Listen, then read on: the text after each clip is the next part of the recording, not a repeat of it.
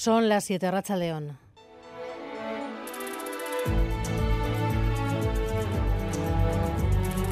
Gambara con Arancha García. Junts ha cumplido su amenaza y ha vetado la ley de amnistía. Una amnistia selectiva i en diferit no és el que vam signar i vam acordar. El jutge Aguirre reobre una causa de fa anys el dia abans de la votació d'aquesta llei i no farem res. El jutge García Castellón es treu els delictes de la butxaca un cop publicat el primer text de la llei i no farem res, no ens deixarem endur pel debat estètic. Fue el compromiso del PSOE para dar el sí a la investidura de Pedro Sánchez durante la negociación en el Congreso Junts ha conseguido incluir el delito de terrorismo, aunque no todos. La sombra de los últimos movimientos en los juzgados ha hecho, sin embargo, que Junts pida más, más blindaje para una amnistía integral, decía Miriam Nogueras. Eso es lo que ha pedido hoy el partido de Puigdemont. El PSOE ha dicho que no, ha votado no a las enmiendas y la ley vuelve a la Comisión de Justicia, o sea que hay otro mes más para volver a negociar. Isaro Baza. Eso es, ahora el texto vuelve a la Comisión de Justicia. Dicho de otra forma, retrocede un paso en el trámite parlamentario. Ahora PSOE y Junts tienen un mes más para negociar en la Comisión las enmiendas que hoy han impedido que el texto consiga la luz verde del Congreso. Los siete de Junts, aún así, creen que pueden llegar a un acuerdo con los socialistas en dos semanas. Una vez pasado ese mes de negociación, la ley volverá otra vez al Pleno para que vuelva a ser debatido. Esta vez el PSOE no ha cedido al pulso de Junts. Toda la mayoría que apoya al Gobierno Sánchez ha mostrado su apoyo a la ley porque entienden que desjudicializar el proceso puede ser el punto de partida para una nueva etapa en las relaciones de Cataluña con el Estado. Por eso, hoy han sido muy críticos también con el pulso de algunos jueces. Que el proceso de investidura haya operado como precursor de la amnistía para nuestro partido y para nuestro grupo parlamentario no la desvirtúa ni en su oportunidad ni en su conveniencia. Se hace preciso cerrar un ciclo político traumático con una decisión política en forma de amnistía para volver a recuperar el diálogo y la negociación, para afrontar un conflicto constitucional irresuelto. Aquesta amnistia no va de Puigdemont i no va de Rovira. Va de les 1.500 persones que fa set anys que tenen la seva vida en tela de judici perquè l'Estat els està reprimint i s'havien arribat acords que havien millorat molt la llei. I aquesta llei, ben utilitzada pels tribunals, garanteix l'amnistia a tota la nostra gent. Decimos que, en definitiva, esta es una medida buena, una ley positiva apoyada por la mayoría de la sociedad catalana y que creemos que vuelve a traer a la política lo que nunca debió salir de ella. Por eso esperamos que hoy sea aprobada esta norma porque no se puede dar una oportunidad más a aquellos que están intentando sabotear esta ley y esta legislatura. Tendremos amnistía para abrir un nuevo tiempo de diálogo. Tendremos amnistía para que nadie nunca más utilice las cloacas del Estado para criminalizar la protesta legítima.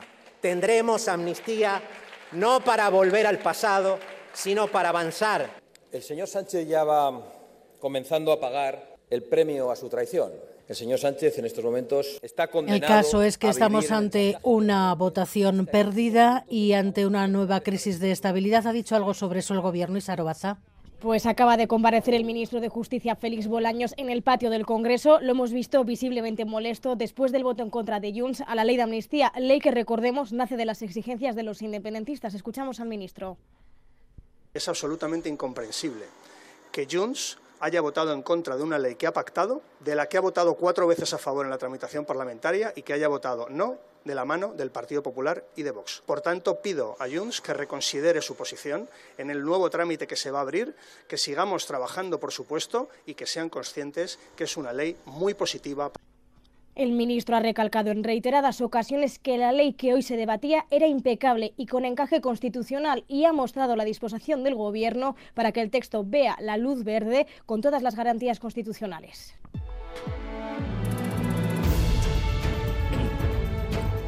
Pues esa es la noticia hasta ahora. La ley de amnistía no ha superado el trámite del Congreso, vuelve a la Comisión de Justicia. ¿Quién la ha llevado ahí? Pues inexplicablemente ha sido Junts porque a su juicio se queda corta. El gobierno vasco además mantiene su apoyo a la Agencia de la ONU para los Refugiados en Palestina. Se desmarca de los gobiernos que han retirado su apoyo a la UNRWA por la investigación sobre la participación de una docena de sus 30.000 trabajadores en los atentados de Hamas el 7 de octubre. Una decisión que compromete aún más la situación de la población civil en Gaza. El gobierno vasco no está en esa. Jaurlaritzak ez duela planteatu agentzia honen bitartez bideratzen den harreman hau aldatzea. Ikusi da, unraua dela, agente modura edo eragile modura han sortu diren beharri izanei ongien erantzuten dien erakundea. Y las sospechas se van confirmando. Hay más denuncias por agresión sexual contra el osteópata de Tolosa. Ya son tres. La Archancha no descarta, por cierto, que haya más víctimas, David Beramendi. Así es, el Arzainza sospechaba que podía haber más casos y, en efecto, una tercera mujer, de la que no se especifica la edad, también denuncia al osteópata de Tolosa acusado de agresión sexual. Recordemos que, según han señalado las dos anteriores mujeres que han denunciado, el presunto agresor comenzaba su sesión de masaje en zonas como la espalda, cuello o lumbares, pero luego, sin ningún consentimiento ni autorización previa, llegaba hasta zonas íntimas. El presunto agresor está en libertad con cargos tras haber sido detenido por la Ertzaintza y haber pasado a disposición judicial. Y buena noticia para los empleados públicos. Tendrán subida salarial de extra medio punto gracias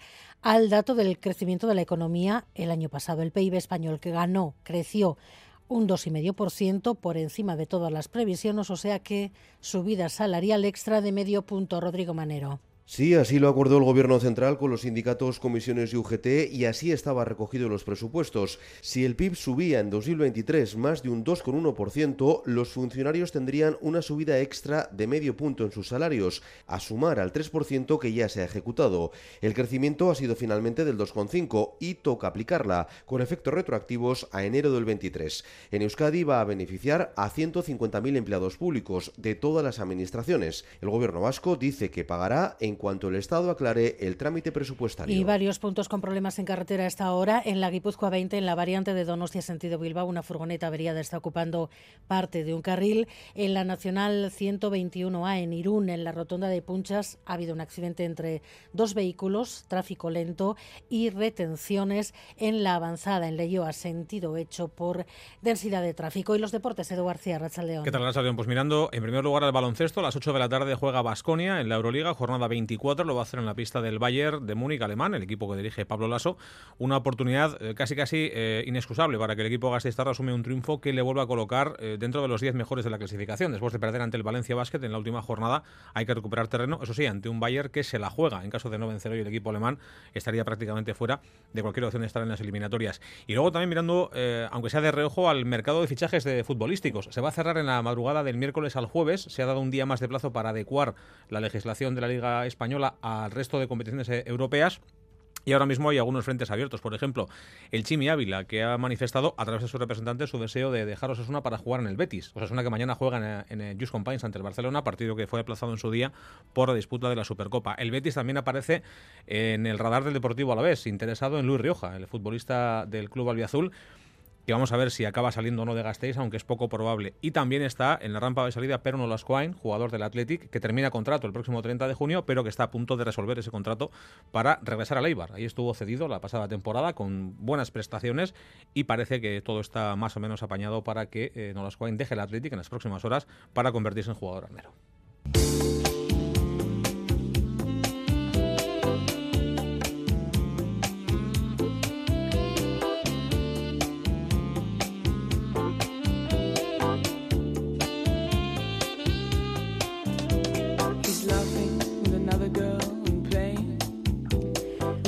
Otra votación agónica en el Congreso, otro giro de guion inesperado de Junts. Al menos hoy nadie se ha equivocado al votar, porque hoy el Congreso ha estrenado sistema de votación Xavier Madariaga.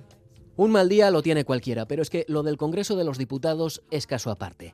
La legislatura pasada, dos de cada tres diputados se equivocaron alguna vez al votar. Rajoy era presidente en 2017 cuando votó en contra de una de las enmiendas que él mismo había acordado para sus propios presupuestos. Se necesitan 176 o al menos un voto más que un voto en contra. Los botones del Congreso te dan sorpresas, como la de Sánchez votando a favor de una ley del aborto de los populares. Fue un error que lamento muchísimo. Y si dar al botoncito ya era difícil sin pandemia, con ella y el voto telemático todavía más. Más nueve votos emitidos telemáticamente Hace dos se votaba una reforma laboral, el hemiciclo, también la presidenta, se esperaban un no. Queda derogado el Real Decreto Ley. Pero los aplausos populares apenas duraron unos segundos. Señorías, Ahí viene el giro de guion. los servicios de la Cámara me informan que queda convalidado el Real Decreto Ley. Esos son aplausos socialistas, porque el sí telemático de un diputado popular, Alberto Casero, hizo pasar la reforma laboral. El suyo ha sido el caso más sonado, que además supuso un cambio en el resultado final. Pero marcarse un Alberto Casero está a la orden del día en el Congreso.